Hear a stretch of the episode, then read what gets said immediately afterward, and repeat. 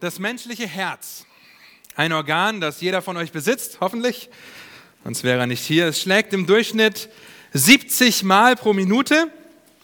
Umgerechnet sind das ungefähr 100.000 Mal am Tag. Und mit jedem Herzschlag pumpt es circa 70 bis 80 Milliliter Blut in die entlegensten Ecken des Körpers. Und das ist der Normalzustand, der Idealzustand. Bei körperlicher Belastung, wie zum Beispiel Sport oder harter Arbeit, ist das Herz in der Lage, bis zu 20 Litern pro Minute durch die circa 100.000 Kilometer an Blutgefäßen zu pumpen. Wer es von euch schafft, 20 Liter in einer Minute zu trinken, der verdient meinen Respekt an Wasser. Es ist unmöglich. Und dennoch ist es ein Organ, das gerade mal 250 bis 300 Gramm wiegt. Es nicht größer ist wie eine männliche ausgewachsene Faust. Das Herz hat genug Energie, die es jeden Tag produziert, um einen LKW circa 32 Kilometer fahren lassen zu können. Das Herz ist das Organ, das uns am Leben hält, das uns rot werden lässt, wenn wir uns schämen, weil dein Blut in die Adern schießt, das uns ganz aufgeregt macht, wenn wir verliebt sind, das uns befähigt, wegzurennen, mit Hilfe des Adrenalins, die Blut, den Blutkreislauf anzukurbeln. Was würden wir ohne unser Herz tun? Nicht mehr viel. Denn ohne Herz und ohne die Funktion des Herzens wären wir tot. Aber drehen wir die Frage um. Was würde das Herz ohne den Körper tun? Auch nicht so viel. Das Herz treibt den Körper an und der Körper benötigt das Herz. Keines dieser beiden Teile funktioniert auf Dauer ohne das andere. In unserem geistlichen Leben, in unserem geistlichen Kampf ist es ähnlich.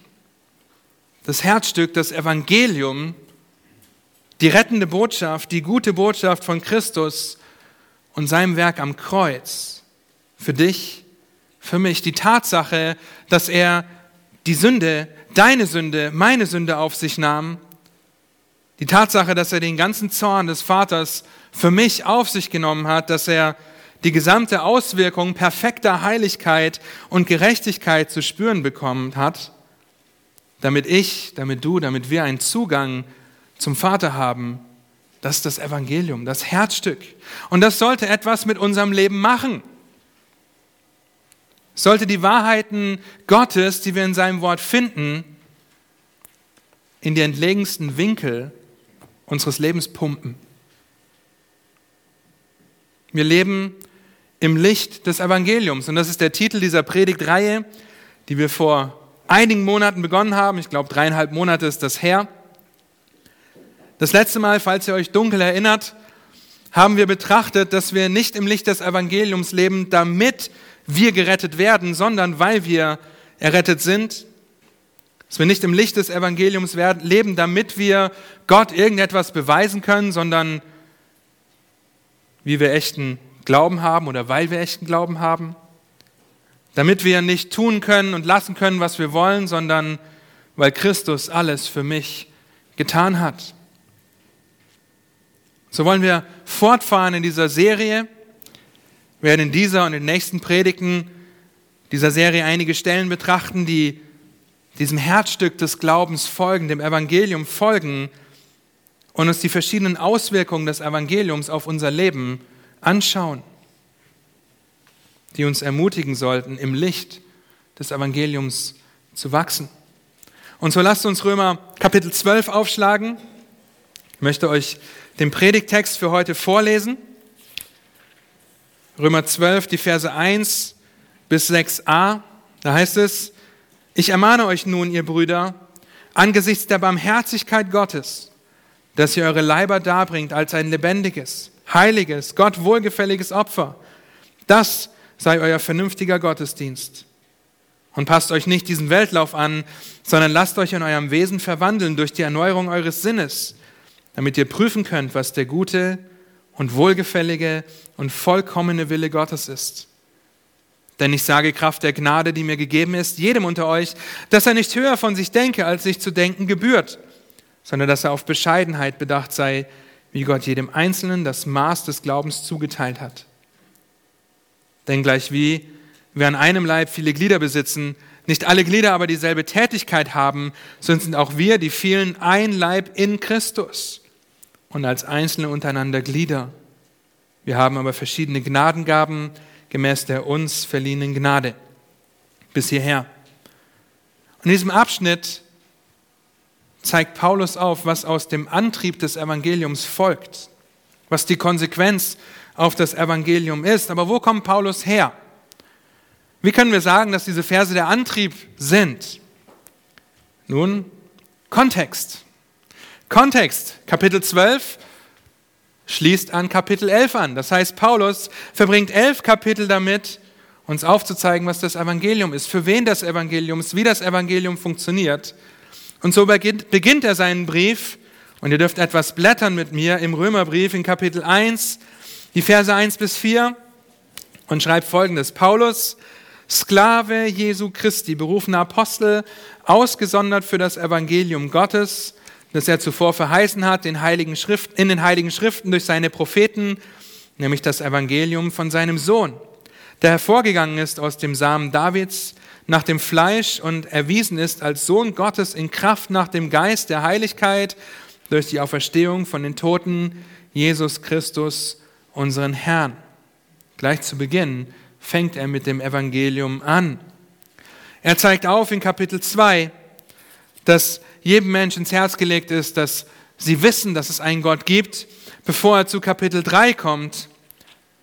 Und ich lege das Augenmerk auf die Verse 21 bis 24, wo es darum geht, dass niemand den Maßstab Gottes erreichen kann. Da heißt es Römer 3, 21 bis 24, jetzt aber ist außerhalb des Gesetzes die Gerechtigkeit Gottes offenbar gemacht worden die von dem Gesetz und den Propheten bezeugt wird, nämlich die Gerechtigkeit Gottes durch den Glauben an Jesus Christus, die zu allen und auf alle kommt, die glauben.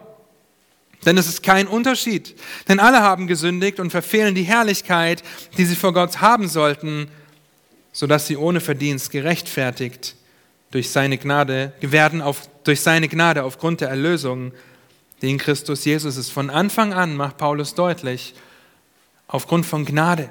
Aufgrund von Gnade, von Erbarmen, von Barmherzigkeit, aufgrund der Gnade, die in Christus ist. Zwei Kapitel weiter, in Kapitel 5, macht er deutlich, dass Christus für uns gestorben ist und wann Christus für uns gestorben ist. Vers 6 bis 8 heißt es, denn Christus ist, als wir noch kraftlos waren, zur bestimmten Zeit für Gottlose gestorben. Nun stirbt kaum jemand für einen Gerechten. Für einen Wohltäter entschließt sich vielleicht jemand zu sterben. Gott aber beweist seine Liebe zu uns dadurch, dass Christus für uns gestorben ist, als wir noch Sünder waren. Gottes Barmherzigkeit, Gottes Gnade erweist sich, als wir nichts dazu beitragen konnten. Wir waren kraftlos, wir waren Sünder, wir waren Feinde, entfremdet von Gott. Seine Gnade, seine Barmherzigkeit wird uns zuteil. Er zeigt uns auf im Römerbrief, wie das Gesetz zu verstehen ist. In Römer Kapitel 5, Vers 20 und 21, da heißt es, das Gesetz aber ist daneben hereingekommen, damit das Maß der Übertretung voll würde. Wobei das Maß der Sünde voll geworden ist, da ist die Gnade überströmend geworden, damit wie die Sünde geherrscht hat im Tod, so auch die Gnade herrsche durch die Gerechtigkeit zu ewigem Leben durch Jesus Christus, unseren Herrn. Paulus zeigt auf, was es mit Gesetz und Gerechtigkeit auf sich hat. Zeigt auf, wie wir gerechtfertigt werden können. Er zeigt auf, dass das Gesetz und die damit verbundene Gesetzlichkeit niemals in der Lage ist, uns zu retten. Vielmehr ist das Gesetz dazu da, um uns unsere Sünde aufzuzeigen, um uns zu verdammen, weil wir realisieren, dass wir niemals fähig sein werden, das Gesetz Gottes einzuhalten. Und so könnt ihr das Gesetz Gottes mit einer Kettensäge vergleichen. Vielleicht hat der ein oder andere schon mal eine Kettensäge bedient. Wir können es mit einer Kettensäge vergleichen. Um Bäume zu fällen, eignet sich eine Kettensäge hervorragend.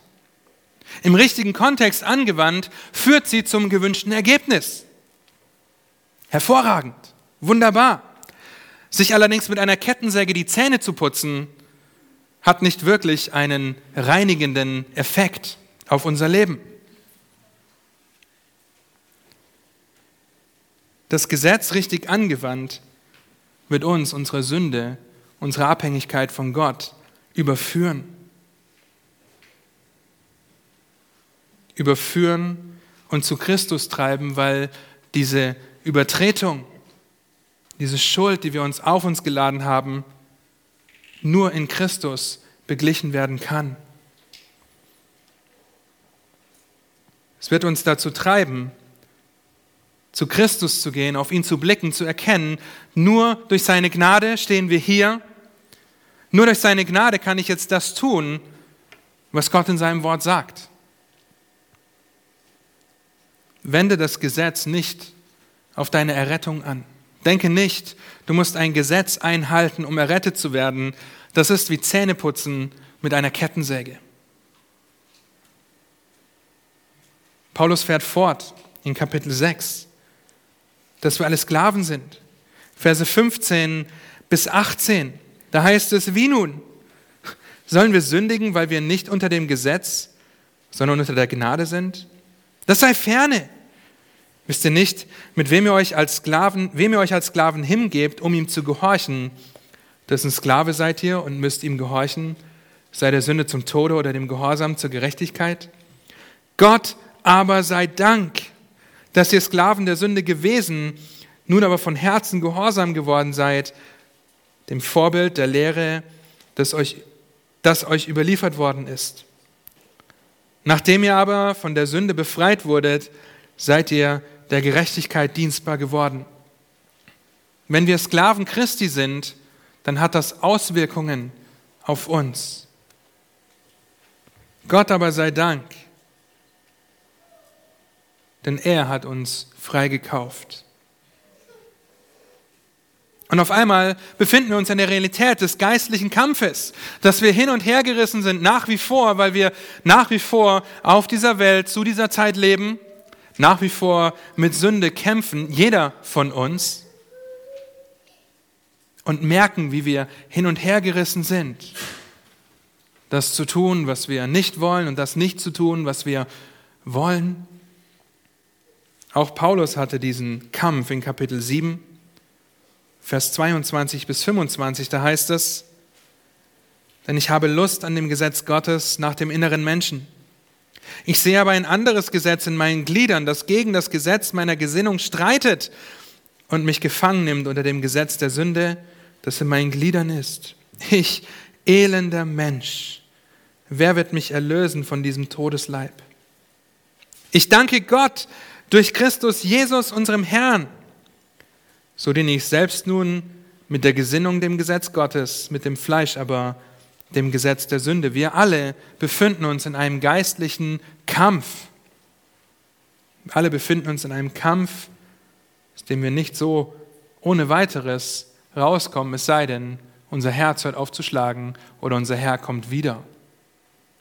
Dieser Kampf wird bis zum Lebensende dauern. Kapitel 8 ist wahrscheinlich eines der bekanntesten Kapitel im Römerbrief. Wir sehen unsere Adoption in Christus. Wir sehen unser neues Leben.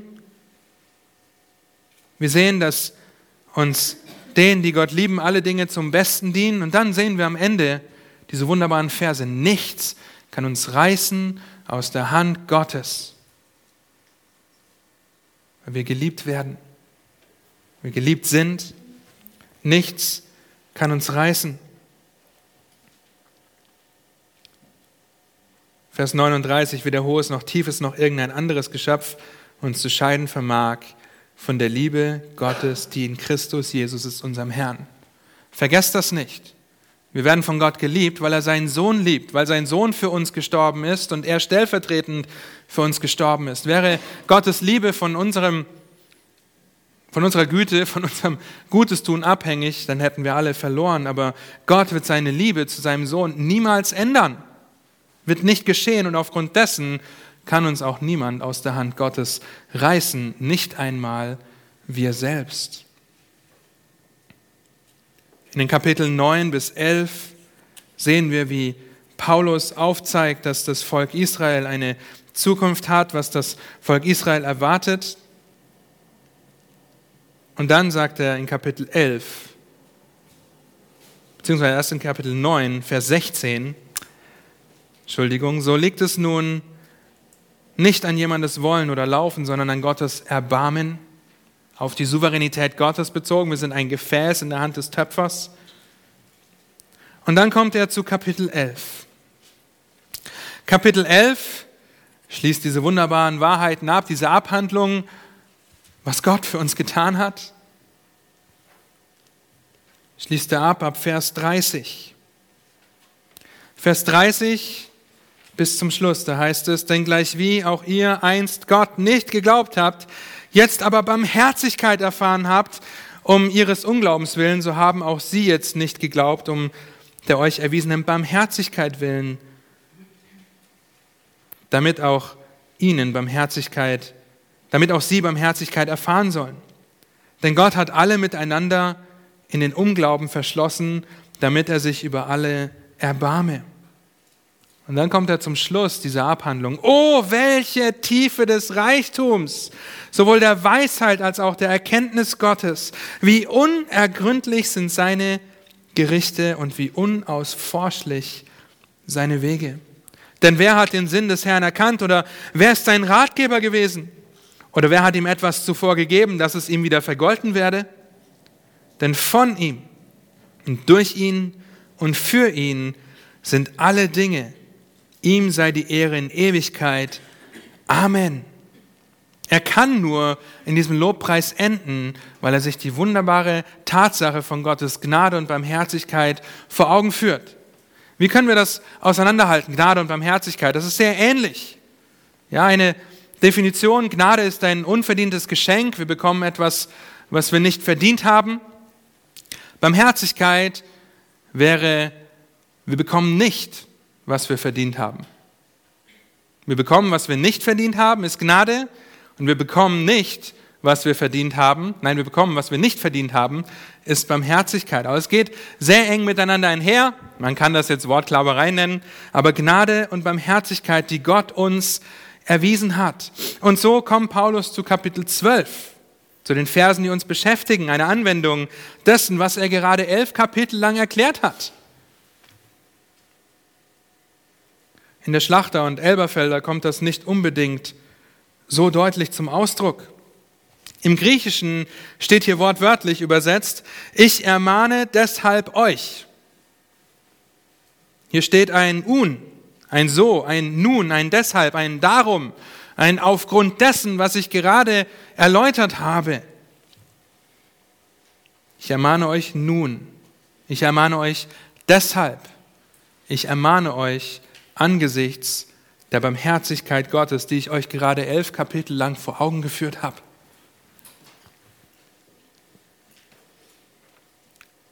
Er mahnt, er tröstet und zeigt, wie sich die Barmherzigkeit Gottes in unserem Leben auswirken sollte. Deshalb, aus diesem Grund, gebt eure Leiber hin. Es ist die logische Konsequenz auf das Begreifen der Barmherzigkeit Gottes, dass du dich völlig dem hingibst, der sich völlig für dich hingegeben hat. Die einzig angemessene Antwort auf die Barmherzigkeit Gottes, die dir in Christus widerfahren ist, ist, dich Gott und seiner Barmherzigkeit völlig hinzugeben. Ich ermahne euch deshalb, ihr Brüder, angesichts der Barmherzigkeit Gottes. Und deshalb ist die, das Evangelium, die Barmherzigkeit Gottes, die uns widerfahren ist, das Herzstück, die Pumpe, die uns am Leben hält, wenn wir im Licht des Evangeliums leben. Das Evangelium, die Barmherzigkeit Gottes sollte dich, sollte mich antreiben. Das Wort ermahnen ist das Wort, das ihr häufig schon gehört habt, Parakalo oder Parakaleo, was so viel wie ermahnen oder ermutigen heißt, was anspornen heißt und trösten heißt. Es ist ein an die Seite kommen und mitnehmen, komm, wir machen das, los geht's. Und nicht ein Befehl von oben herab. Ich ermahne euch, ich sporne euch an, ich treibe euch an nach dem, was wir gerade gelesen haben, ihr lieben Römer, angesichts der Barmherzigkeit Gottes darauf zu reagieren. Und zwar mit Gottesdienst zu reagieren. In seinem Lied Mir ist Erbarmung widerfahren schreibt Philipp Hiller folgendes. Und wir singen das Lied gleich, darauf freue ich mich sehr. Da heißt es in der ersten und zweiten Strophe, mir ist Erbarmung widerfahren, Erbarmung, derer ich nicht wert. Das zähle ich zu den Wunderbaren, mein stolzes Herz hat's nie begehrt. Nun weiß ich das und bin erfreut und rühme die Barmherzigkeit. In der zweiten Strophe, ich hatte nichts als Zorn verdient und soll bei Gott in Gnaden sein. Gott hat mich mit sich selbst versöhnet und macht durchs Blut des Sohns mich rein. Wo kam dies her? Warum geschieht's? Erbarmung ist's und weiter nichts. Angesichts der Barmherzigkeit Gottes werden wir ermahnt, werden wir ermutigt, werden wir angespornt, werden wir geschubst fast schon, auch darauf zu reagieren. Was ist die einzige angemessene Antwort auf Gottes Barmherzigkeit? Die einzige angemessene Reaktion auf das Evangelium ist dein Dienst. Dein Leben völlig in den Dienst deines Herrn zu stellen. Das Herz pumpt, es schlägt, es arbeitet, das Evangelium arbeitet. Und jetzt schwenkt Paulus den Blick, wenn ihr so wollt, von dem Herzen das uns antreibt, auf den Körper, den das Herz antreibt. Das, was mit dem Blut des Evangeliums versorgt werden soll. Das Evangelium ist dein Antrieb zum Dienst. Nichts anderes sollte das sein und nichts anderes kann das auf Dauer sein. Das Evangelium treibt uns an. Zwei Arten des Dienstes, die Paulus aufzeigt. Zum einen ist das Evangelium der Antrieb zu deinem vernünftigen Gottesdienst.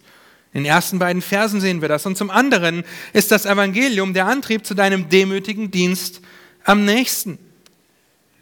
Verse 3 bis 6. Und in weiteren Versen führt Paulus das noch weiter aus.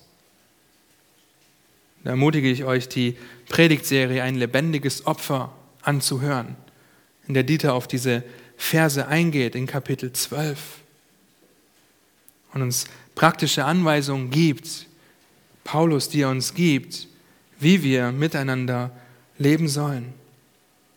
Und das führt er bis zum Ende seines Briefes dann fort. Die Anweisungen im Angesicht der Barmherzigkeit. Deswegen sind die ersten Verse in Kapitel 12 so ein Schlüsselmoment. Ich habe euch das gerade alles aufgezeigt.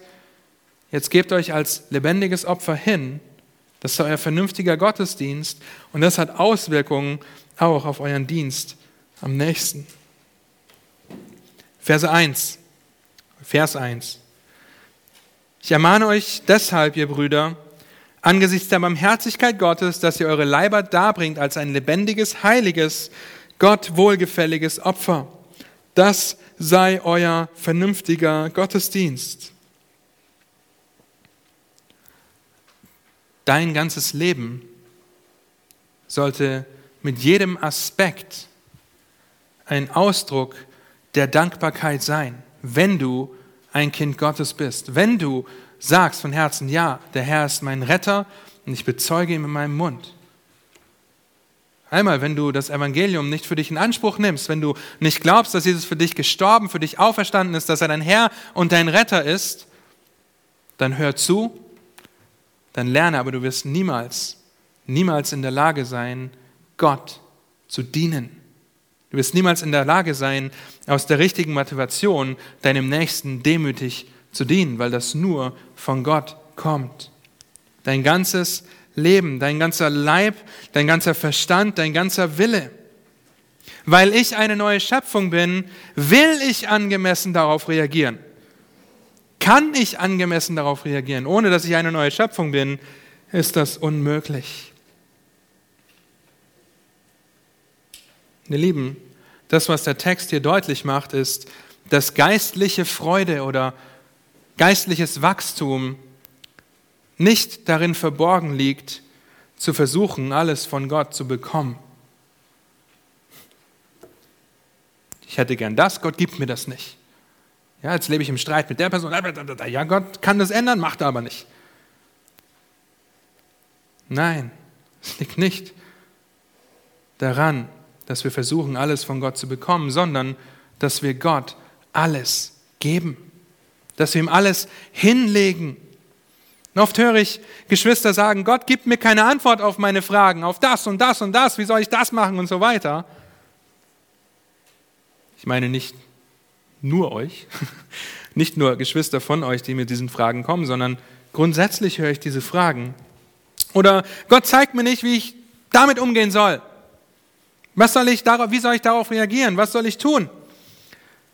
Nun, die Antwort, die Antwort ist in seinem Wort. Und die Antwort in diesen beiden Versen ist sehr plump. Gib dich Gott völlig hin. Glaube seinem Wort völlig. Mit jeder Verheißung, mit jeder Anweisung. Du kannst das als Kind Gottes für dich in Anspruch nehmen und durch die Gnade Gottes auch noch umsetzen. Ein Opfer. Wir sollen uns als ein Opfer hingeben. Ein Opfer wurde in der Regel von den Priestern dargebracht. Im Alten Testament, ein Opfer musste ohne Fehler sein, also heilig. Es musste vor Gott wohlgefällig sein oder damit es vor Gott wohlgefällig war, gab es Anweisungen, wie ein Opfer auszusehen hatte, wann, wie oft und wo geopfert wurde. Nun im Propheten Maleachi sehen wir wie Israel das nicht mehr ernst genommen hat, wie es dem Herrn ein Gräuel ist, falsche Opfer zu bekommen. Das Lamm halt, ja, das, das hinkt ein bisschen, das ist das jüngste von allen, das schafft es eh nicht, das opfer ich dann, anstatt das Erstgeborene zu geben, das Beste vom Besten. Ist Gott ein Gräuel.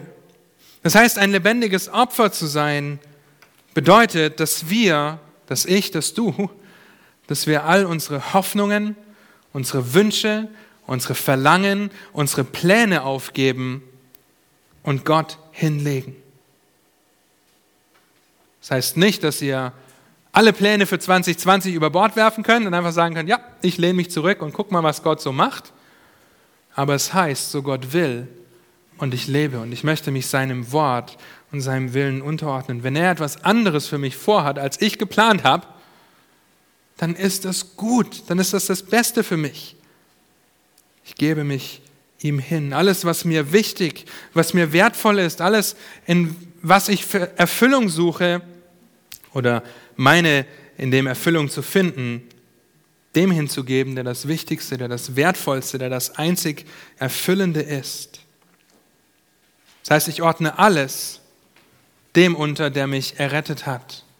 Gottes Gott und das, was er in seinem Wort offenbart. Und das ist eine andauernde Aufgabe. Keiner von euch kann sagen, am 01.01.2020 gebe ich mich als lebendiges Opfer hin und das reicht für das ganze Jahr. Nein. Manchmal ist das ein 10-Minuten-Takt, an dem wir unsere Wünsche ans Kreuz nageln müssen, an dem wir unserer Sünde weiter sterben müssen. Manchmal ist das ein 5-Minuten-Takt, manchmal durch Gottes Gnade vielleicht auch etwas länger, aber es ist ein beständiges daran erinnern an die Barmherzigkeit Gottes und die Konsequenz daraus, mein ganzes Leben dem hinzugeben, der alles für mich gegeben hat. Etwas, das wir uns immer und immer wieder vor Augen führen. Und mit einem Opfer verbinden wir so oft was Schmerzhaftes. Das muss wehtun. Ich muss wirklich was aufgeben. Ich muss wirklich was sein lassen, abtöten. Hast du die Sünde wirklich so sehr lieb, dass du nicht bereit bist, sie sein zu lassen? Sie aufzugeben, sie auf den Altar zu legen, zu opfern, dich selbst hinzugeben, der du erlöst wurdest von der uneingeschränkten Macht und von der Konsequenz der Sünde? Hast du die Sünde so sehr lieb, dass es Schmerz für dich bedeutet? Liebst du es so sehr, über deine Arbeitskollegen herzuziehen? Liebst du es so sehr, dich in Gedanken über deine Geschwister aufzuregen? Oder liebst du es so sehr, deine Erfüllung in etwas anderem zu suchen als Christus?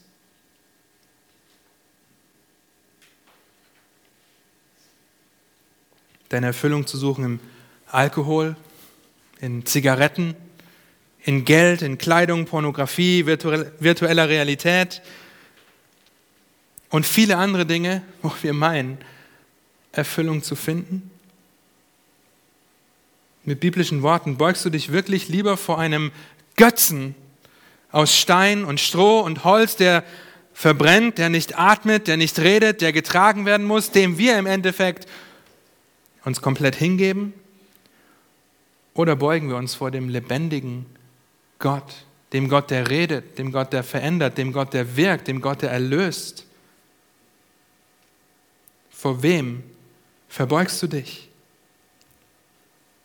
Wenn du denkst, oh, ich kann das einfach nicht lassen, ich kann meine Sünde nicht sein lassen, dann hast du die Barmherzigkeit Gottes nicht ganz verstanden.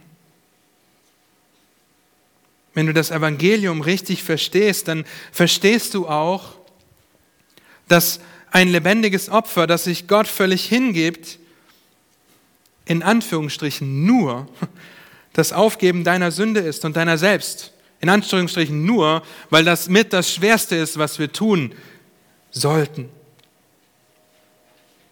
Das ist nicht viel, aber für viele ist es zu viel. Ein lebendiges Opfer zu sein, bringt mit sich, dass Gott uns verändert, dass Gott uns reinigt, dass Gott uns als Werkzeuge in seiner Hand gebraucht. Und wir haben keinen tyrannischen Gott, der sehen will, auf dem Altar, da leidest du richtig. Nein, wir haben einen Gott, der das gebrauchen möchte, um zu unserem Besten zu wirken, uns mehr und mehr in das Bild seines Sohnes zu gestalten, Römer 8, und sich selbst die Ehre dadurch zu geben. Das ist die einzige Konsequenz ist der vernünftige Gottesdienst, dich Gott mit deinem ganzen Leben hinzugeben.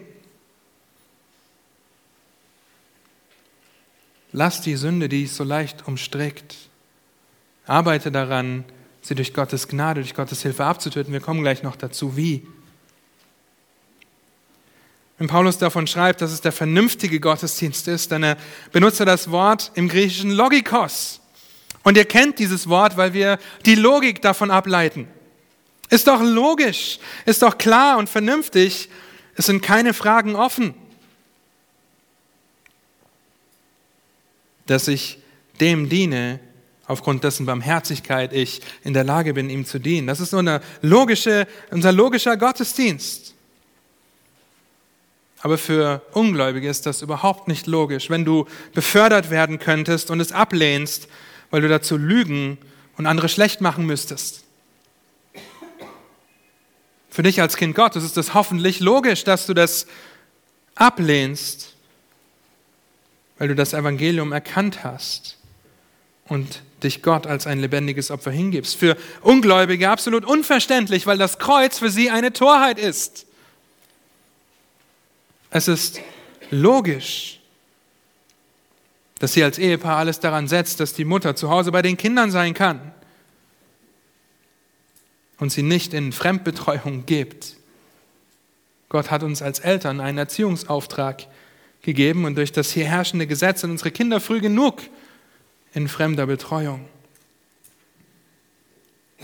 Für Ungläubige eine Torheit. Absolut idiotisch. Wie willst du dich selbst verwirklichen? Wie willst du als Frau wirklich etwas sein in der Gesellschaft? Eine Torheit, weil in das Kreuz eine Torheit ist. Es ist logisch, weil unser Antrieb das Evangelium ist. Das Evangelium, das uns zum Gottesdienst anspornt. Wir tun das, was Gottes Wort sagt, völlig entgegen dem, was die Gesellschaft sagt, entgegen dem, was deine Familie von dir hält. Aber das ist immer mit einem geistlichen Kampf verbunden, der andauern wird, bis wir verherrlicht vor Christus stehen. Und manche Dinge müssen wir hart realisieren, bevor wir sie umsetzen. Hart realisieren, wenn wir Gottes Wort lesen und danach streben, uns hinzulegen, uns hinzugeben. Immer wieder. Ich zum Beispiel, ich schaffe es nicht, einen ganzen Tag lang absolut geduldig mit meinen Kindern zu sein. Ich reibe mich für sie auf, ich gehe für sie arbeiten. Und was bekomme ich dafür? Rebellion, Ungehorsam, manchmal auch ein Kuss. Ich schaffe es aber nicht, das nicht eigennützig zu gebrauchen und zu sagen, habt ihr eigentlich eine Ahnung, was ich alles für euch tue? Und wie dankt ihr mir das? Nun, kein lebendiges Opfer. Ich schaffe das nicht. Keiner von uns schafft irgendetwas aus eigener Kraft, außer die Werke des Fleisches. Ich schaffe das nicht, aber ich darf immer wieder Buße tun. Ich darf mich immer wieder an die Geduld, an die Barmherzigkeit Gottes, an seine Gnade erinnern und vor Augen führen, oh, wäre Gott so ungeduldig wie ich. Eieiei mir würde es nicht so gut gehen. Und dann Buße zu tun, meine Kinder um Vergebung zu beten und zu sagen, mit Gottes Hilfe, einzig und allein mit Gottes Hilfe, aus eigener Kraft, werde ich früher oder später meinen Dienst nur dazu gebrauchen, dass mir gedient wird. Aber wie geht das? Wie geht das, meine Gedanken immer wieder auf das Evangelium zu konzentrieren, unser Denken zu ändern Vers 2. Und passt euch nicht diesem Weltlauf an, sondern lasst euch in eurem Wesen verwandeln durch die Erneuerung eures Sinnes, damit ihr prüfen könnt, was der gute und wohlgefällige und vollkommene Wille Gottes ist. Die äußerliche Veränderung beginnt durch eine innere Veränderung. Denn was im Herzen ist, das kommt raus. Was in unseren Gedanken ist, das kommt raus. Was uns beschäftigt, davon reden wir. Passt euch nicht diesem Weltlauf an.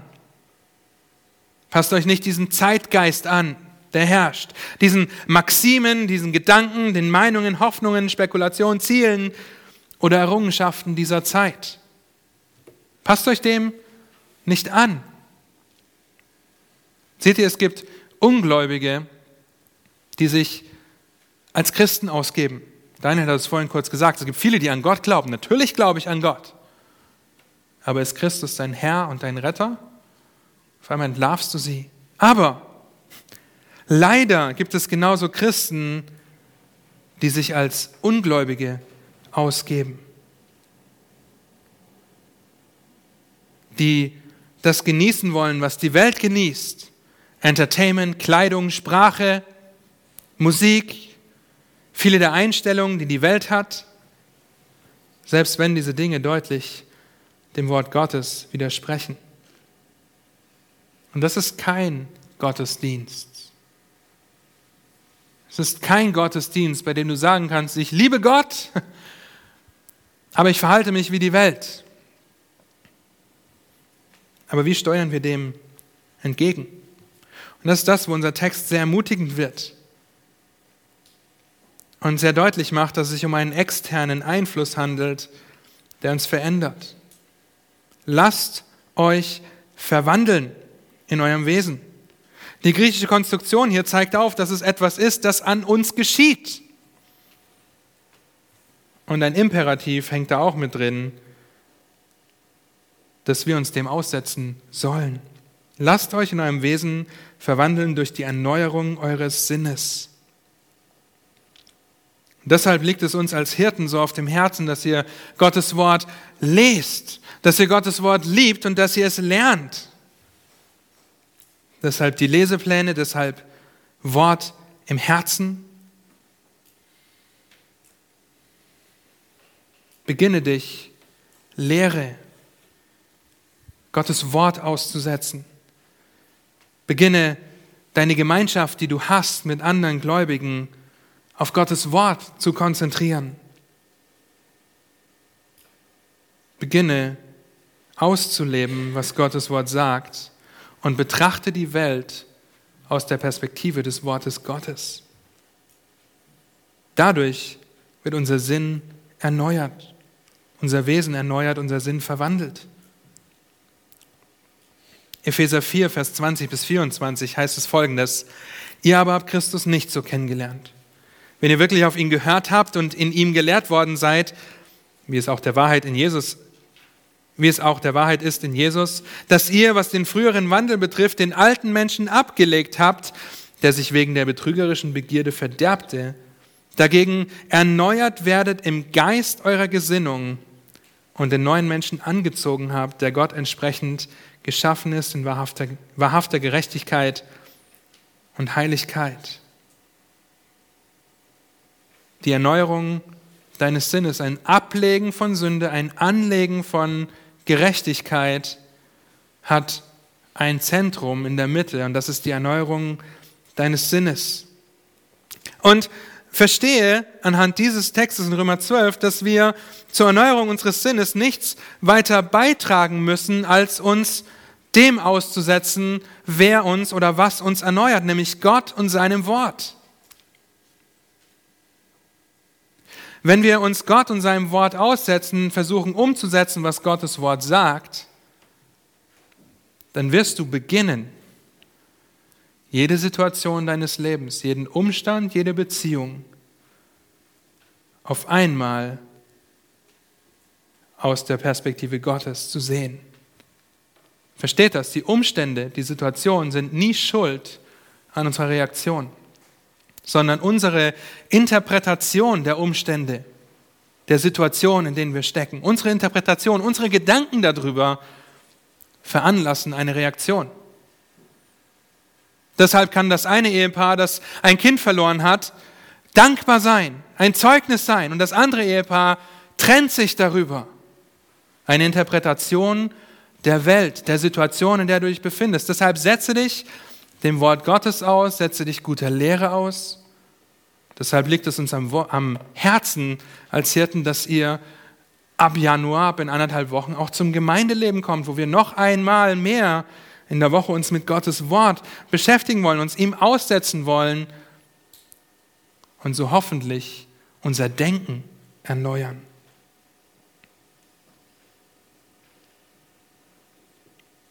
Wie reagierst du auf deine rebellierenden Kinder? Wie reagierst du auf die Tatsache, dass du vielleicht nicht heiratest? Wie reagierst du auf die Tatsache, dass du deinen Job verlierst? Deine Reaktion zeigt dein Denken. Die Situation, der Umstand ist nie schuld an deiner Reaktion. Deshalb lass dich erneuern. Denn dann wirst du herausfinden und lernen und prüfen können, was der gute und wohlgefällige und vollkommene Wille Gottes ist. Und den findet ihr hier in Gottes Wort. Das ist der gute, vollkommene Wille, den wir benötigen, um ein Leben zu seiner Ehre zu führen, uns als lebendiges Opfer hinzugeben. Bräuchten wir mehr, wäre dieses Buch dicker.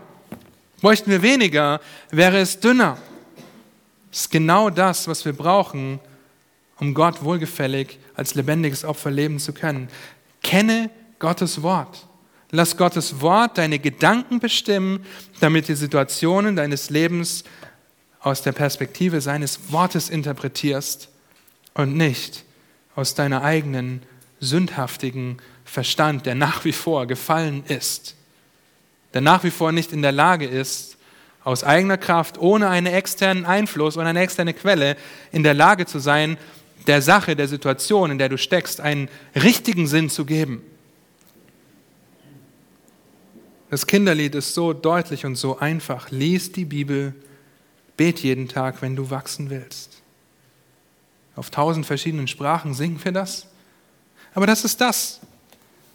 Du wirst erneuert in deinem Denken, wenn du dich Gottes Wort aussetzt, wenn du in einer Beziehung zu Gott lebst und dich als ein lebendiges Opfer hingibst. Dein Dienst, das Evangelium ist der Antrieb für deinen vernünftigen Gottesdienst. Und dieser Dienst drückt sich unter anderem dadurch aus, dass wir unserem Nächsten demütig dienen. Das Evangelium, dein Antrieb für deinen demütigen Dienst am nächsten. Verse 3 bis 6. Denn ich sage Kraft der Gnade, die mir gegeben ist, jedem unter euch, dass er nicht höher von sich denke, als sich zu denken gebührt, sondern dass er auf Bescheidenheit bedacht sei, wie Gott jedem Einzelnen das Maß des Glaubens zugeteilt hat. Denn gleich wie wir an einem Leib viele Glieder besitzen, nicht alle Glieder aber dieselbe Tätigkeit haben, so sind auch wir, die vielen, ein Leib in Christus und als Einzelne untereinander Glieder. Wir haben aber verschiedene Gnadengaben gemäß der uns verliehenen Gnade. Die Konsequenz, eine weitere Konsequenz der Barmherzigkeit Gottes in meinem Leben ist, dass ich demütig diene.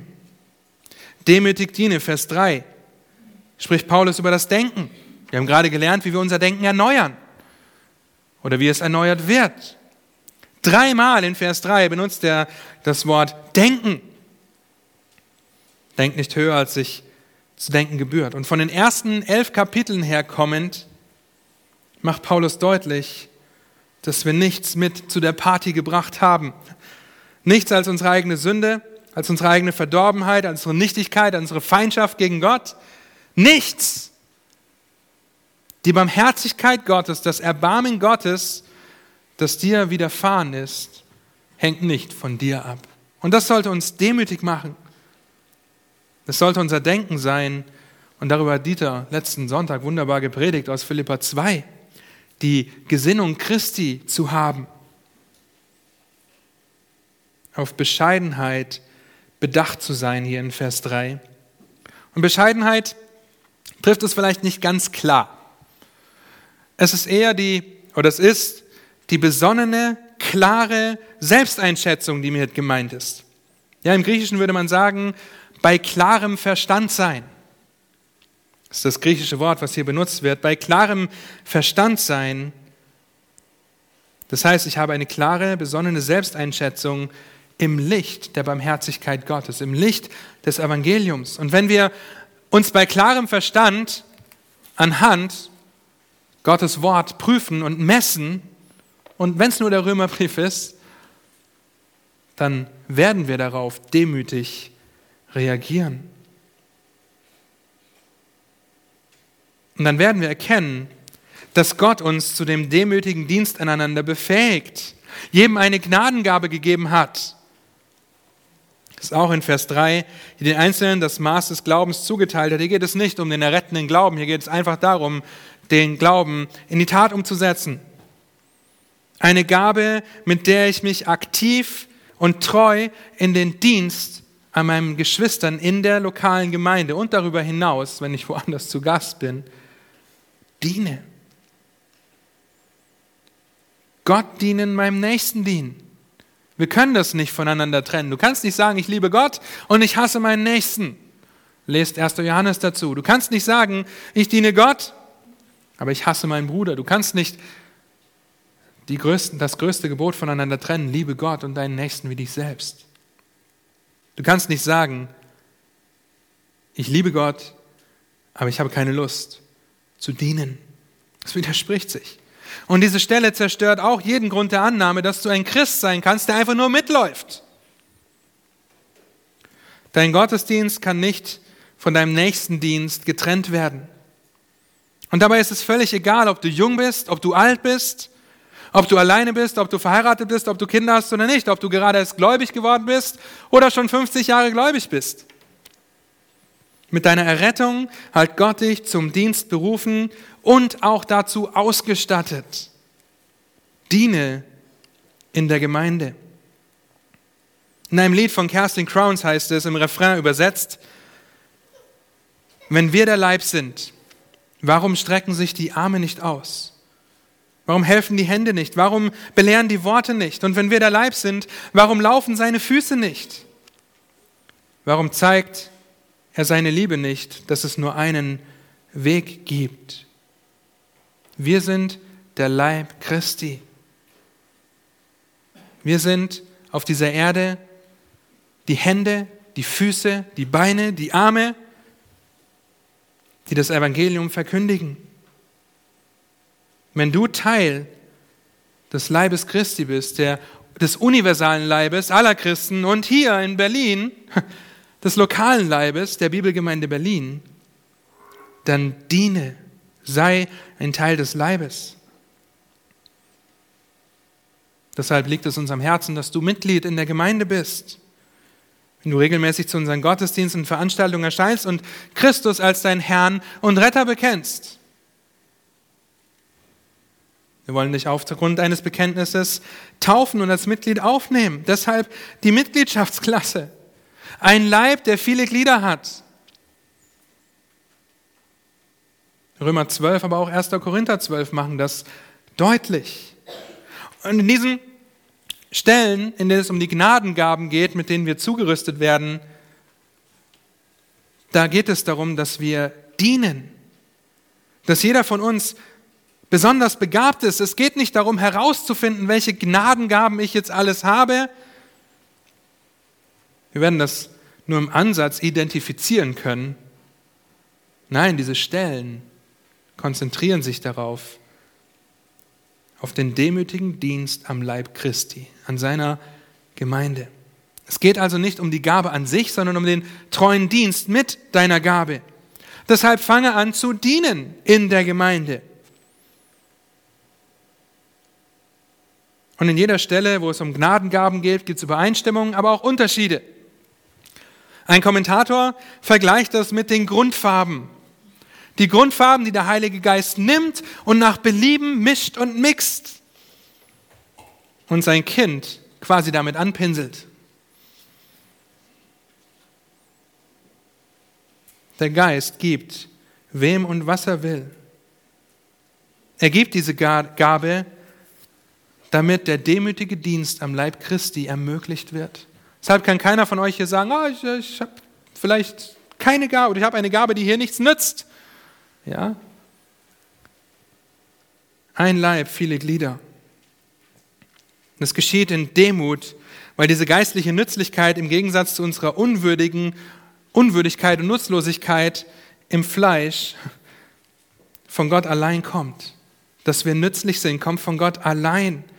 Deshalb werden wir zur Demut am Dienst aneinander aufgefordert. Deshalb werden wir davor gewarnt, die von Gott in uns gelegten Gnadengaben zu missbrauchen oder falsch darüber zu denken. Einige Warnungen. 1. Korinther 12, Vers 21, da warnt Paulus davor, sich nicht aufzublähen und zu sagen, ha, als Fuß brauche ich kein Auge. Oder andersherum, Blähe dich nicht auf mit dem, was Gott dir anvertraut hat, wie du demütig dienen kannst. 1. Korinther 12, Vers 15 und 16, da warnt Paulus davor, eine falsche Demut an den Tag zu legen. Die sagt, es braucht mich eh nicht, ich bin kein Mund, der auf der Kanzel steht und verkündigt, ich bin zu nichts nütze.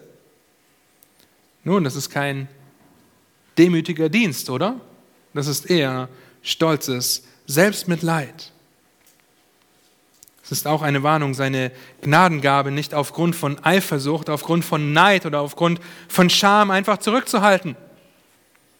Setze deine Gabe am Leib des Herrn, in unserem Fall in der Bibelgemeinde Berlin, ein.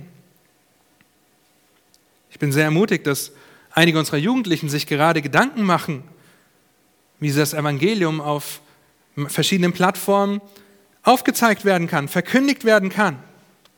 Es ist so schön zu sehen, wie sie mit Eifer, wie sie mit Freude dabei sind, Definitionen, Ziele, Vorgehensweisen zu durchdenken und uns das zu präsentieren. Wir können uns Gedanken darüber machen und uns darüber freuen, wie das Evangelium weiter verkündigt wird. Setze deine Gabe ein, aber nicht mit einer falschen Demut. 1. Korinther 12, Vers 29 und 30, da waren Paulus davor, falsche Gnadengaben für sich zu beanspruchen. Nun versteht das nicht falsch. Du kannst nicht sagen, ich habe die Gabe der Evangelisation oder des Gebens nicht. Deshalb evangelisiere ich nicht und gebe ich nicht. Ich habe die, die Gabe des Dienens habe ich nicht. In Römer 12 steht die Gabe des Dienstes. Wer die Gabe des Dienstes hat, der diene. Nun, es muss im Einklang mit der gesamten Schrift stehen und wir sollen einander dienen, einander anspornen, ermahnen, wir sollen evangelisieren und geben. Aber dem einen fällt das leicht und leichter und der andere tut sich schwer. Es kann sein, dass du ein Evangelist bist, der überhaupt kein Problem damit hat, überall und mit jedem über den Glauben schnell ins Gespräch zu kommen. Dann nutze diese Gabe. Für den anderen ist es leicht, einfach einen großen Betrag zu spenden, zu geben oder leichter. Dann nutze diese Gabe. Das entbindet uns, den Rest von uns aber nicht davor, zu geben oder zu evangelisieren. Setze dich für den demütigen Dienst am Leib ein. Beanspruche keine falsche Gabe oder benutze sie nicht, weil, oder widerspreche den anderen Prinzipien der Schrift. Und in 1. Korinther 15, äh 12, Vers 6 bis 8 waren Paulus ebenfalls davor, seine Gnadengabe überhaupt nicht einzusetzen. Ihr Lieben, jeder von uns, jeder von euch, sobald du ein Kind Gottes bist, bist du zum Dienst befähigt. Durch den Heiligen Geist. Es liegt nicht an dir, wie viele und welche Gnadengaben du hast. Aber es liegt an dir, sie im demütigen Dienst an deinem Nächsten einzusetzen. Das Evangelium sollte der Antrieb dafür sein. Wir haben verschiedene Gnadengaben gemäß der uns verliehenen Gnade. In Christus dienen wir als eine Einheit dem lebendigen Gott. Aber auf verschiedene Arten und Weisen. Wie ein Körper so funktioniert die Gemeinde. Wir sind die Augen, Füße, Hände, Arme, Beine Christi. Warum gehen wir nicht los? Warum dienen wir nicht? Warum verkündigen wir nicht? Ein Teil dessen kann sein, weil wir den Antrieb vergessen, weil wir das Herz vergessen, dass das alles antreibt. Wir leben zu häufig nicht im Licht des Evangeliums oder halten uns zu häufig nicht die Barmherzigkeit Gottes vor Augen und damit wird uns der Dienst in der Gemeinde lästig. Damit entmutigt uns der Dienst vielleicht oder frustriert uns. Früher oder später frustrieren uns vielleicht auch Leute, weil wir nicht mehr bereit sind, ihnen zu dienen. Alles aufgrund unseres Denkens, weil wir die Barmherzigkeit Gottes, die uns widerfahren ist, vergessen. Auf der anderen Seite wird dir dein Dienst in der Gemeinde vielleicht nur dadurch, wird dein Dienst in der Gemeinde vielleicht nur dadurch angetrieben, weil du willst, dass die anderen sehen, was du tust. Dass sie hören, was du alles kannst und wo du dich überall einsetzt in der Gemeinde. Es ist dein Denken. Auch das wird dich früher oder später enttäuschen. Keiner schätzt wert, was ich hier mache. Die sehen gar nicht, wie viel Arbeit ich habe mit der Gemeinde und welche Dienste ich alles mache. Nun, geht es darum oder geht es um deinen demütigen Dienst am Leib Christi? Im Licht des Evangeliums wird unser Dienst erstrahlen. Im Licht des Evangeliums werden wir prüfen und prüfen können, was der gute, wohlgefällige und vollkommene Wille Gottes ist. Wie Gott uns in seinem Wort alles gegeben hat, um seinen Willen für unser Leben herauszufinden. Wir brauchen nicht mehr. Er hat uns seinen Geist gegeben, um das auch umzusetzen. Aus eigener Kraft sind wir nicht in der Lage. Vergesst das nicht. Durch seine Barmherzigkeit ist dir Erbarmung widerfahren. Durch seine Errettung ist dir Rettung, Erlösung widerfahren. Mach das zu deinem Antrieb zu dem Herzen deines Dienstes, deines Lebens. Das Evangelium ist der einzige Antrieb für deinen Dienst, für deinen vernünftigen Gottesdienst und für deinen demütigen Dienst am nächsten. Und vielleicht ist der Jahreswechsel ein Ansporn für dich, das Evangelium für deinen Dienst, das Evangelium zum Antrieb, zum Herz deines Dienstes zu machen. Lies die Bibel. Lerne sie auswendig. Besuche das Gemeindeleben, die Module, den Gottesdienst. Diene, wo du kannst und es dir möglich ist. Komme gerne auf uns Hirten oder Diakone zu, wenn du ein Bedürfnis siehst in der Gemeinde, welches du durch deinen demütigen Dienst gerne stillen möchtest. Und wir werden dich nicht davon abhalten, nachdem wir es anhand von Gottes Wort geprüft haben und geschaut haben, wir werden dich nicht davon abhalten zu dienen, weil wir ein Leib sind mit vielen Gliedern. Diene. Aber das Evangelium sollte unser Antrieb sein. Das Evangelium sollte das Blut des Wortes Gottes durch unsere Adern pumpen, damit wir Gott vernünftig dienen, unserem Nächsten in Demut. Amen.